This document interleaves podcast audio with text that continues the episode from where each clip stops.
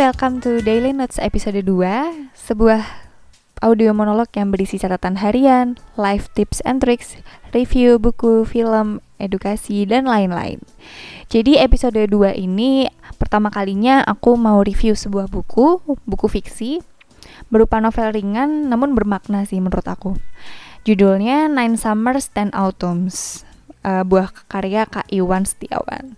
Mungkin teman-teman pernah tahu Nine Summers Ten Autumns ini dulu sempat booming tahun 2013 karena dibuat filmnya juga yang main waktu itu Isan Indonesian Idol ya. Itu juga uh, filmnya lumayan terkenal dan bukunya bestseller. Buku ini uh, diterbitkan di Jakarta oleh PT Gramedia Pustaka Utama tahun 2011 dan telah naik cetak hingga 7 cetakan di bulan Agustus 2011. Terus buku ini juga dapat penghargaan buku fiksi terbaik Jakarta Book Award 2011 dari IKP DKI Jakarta. Ya, jadi lumayan worth it ya untuk dibaca karena ini novel yang ringan dan inspiratif. Uh, buku ini juga direview sama tokoh-tokoh terkenal seperti Andy F. Noya, host Kick Andy Show, Terus ada Asma Nadia, penulis Emak Ingin Naik Haji dan novel-novel terkenal lainnya ya, Teh Asma Nadia. Terus ada juga Anis Baswedan yang waktu itu masih menjabat jadi rektor Universitas Paramadina. Terus juga ketua Indonesia Mengajar ya.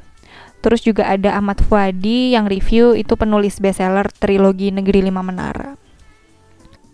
Buku ini berisi sekitar 221 halaman jadi waktu bacanya kurang lebih 1 sampai 2 hari ya. Kalau solo sih, tapi kalau sambil kerja atau kuliah mungkin 4 sampai 5 hari selesai lah dibaca di malam hari gitu. Karena ini relatif tipis sih, nggak terlalu tebel. Nah, uh, aku mau review dari ilustrasinya dulu. Jadi di sini covernya mayoritas putih bersih, terus ada dua buah apel yang apel yang kiri menggambarkan gunung di kota Batu Malang, Gunung Panderman.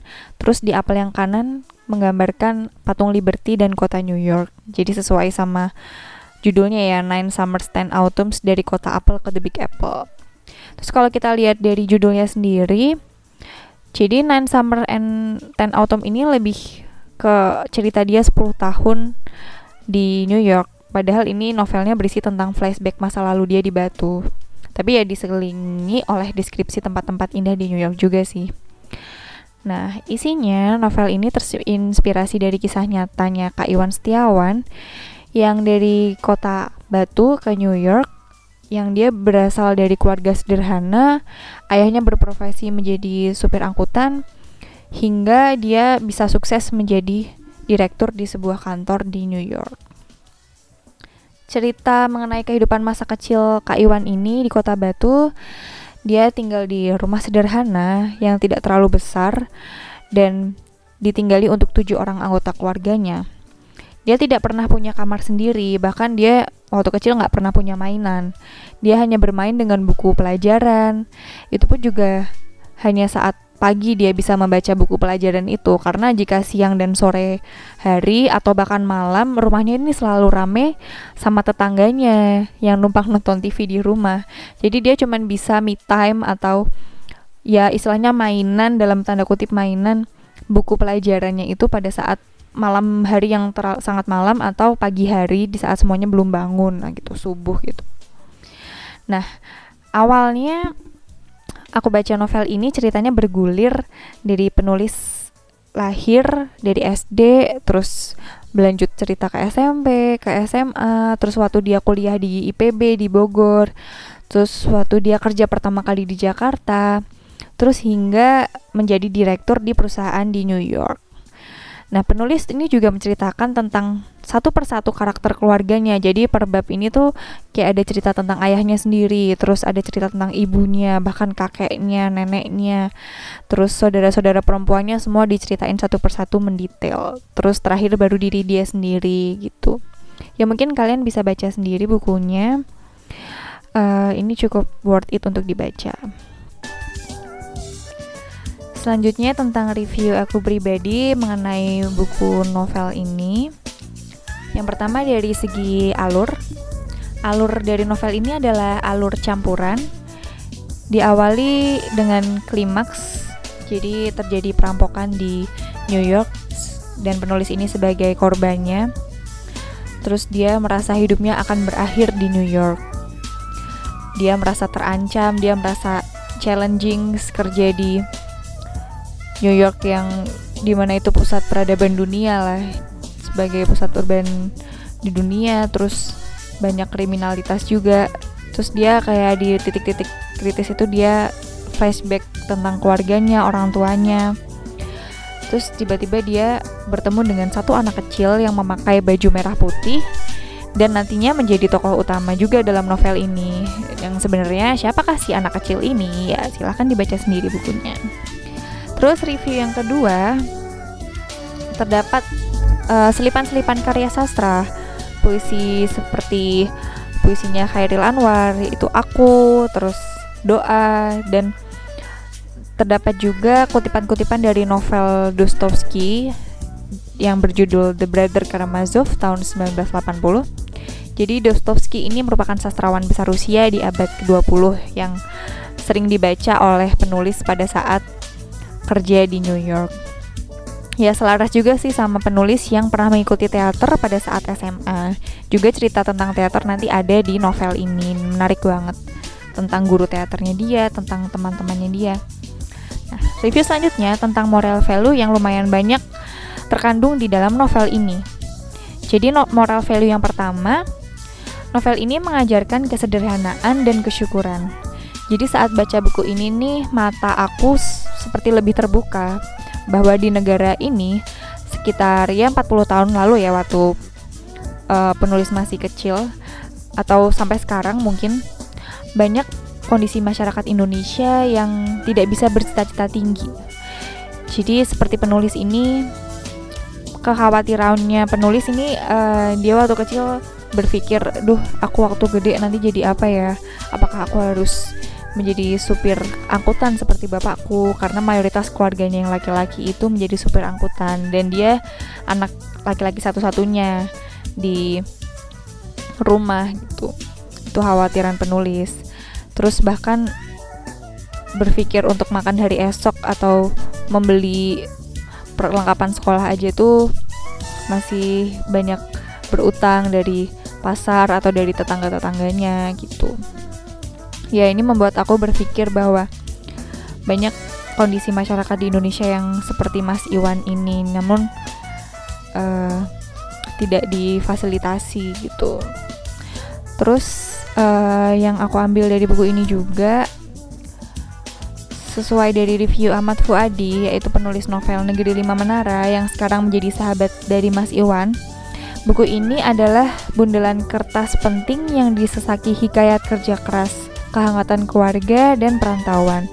Sungguh sebuah praktek manjada wajada yang terang dan sangat inspiratif.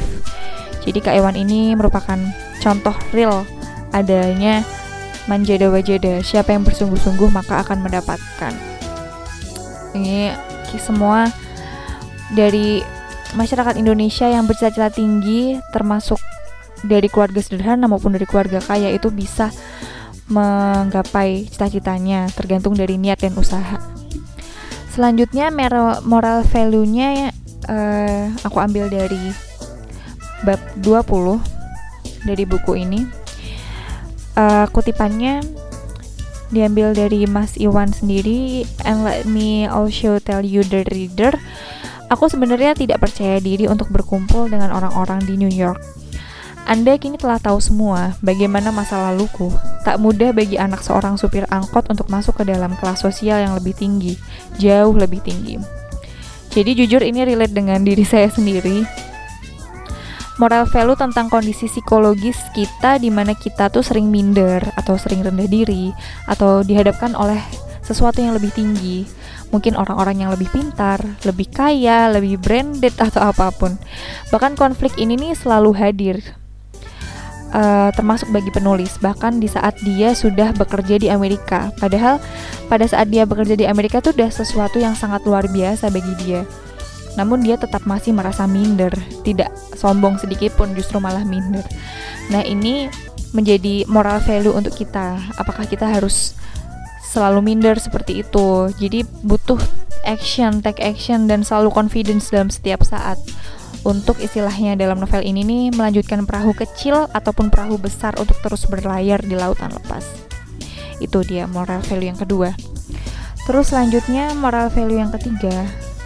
Kita tuh harus selalu mengingat dan membuat memori tentang masa lalu. Contohnya adalah novel ini sendiri. Ini nih merupakan uh, tulisan masa lalu dari Mas Iwan di saat dia flashback, di saat dia merenungi evaluasi.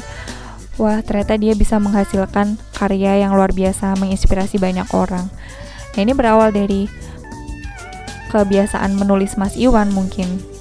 Apa-apa dia catat, apa-apa dia tulis di diary mungkin. Jadi bisa menghasilkan novel ini yang bisa dibaca banyak orang dan bermanfaat gitu. Jadi moral value-nya adalah menulislah.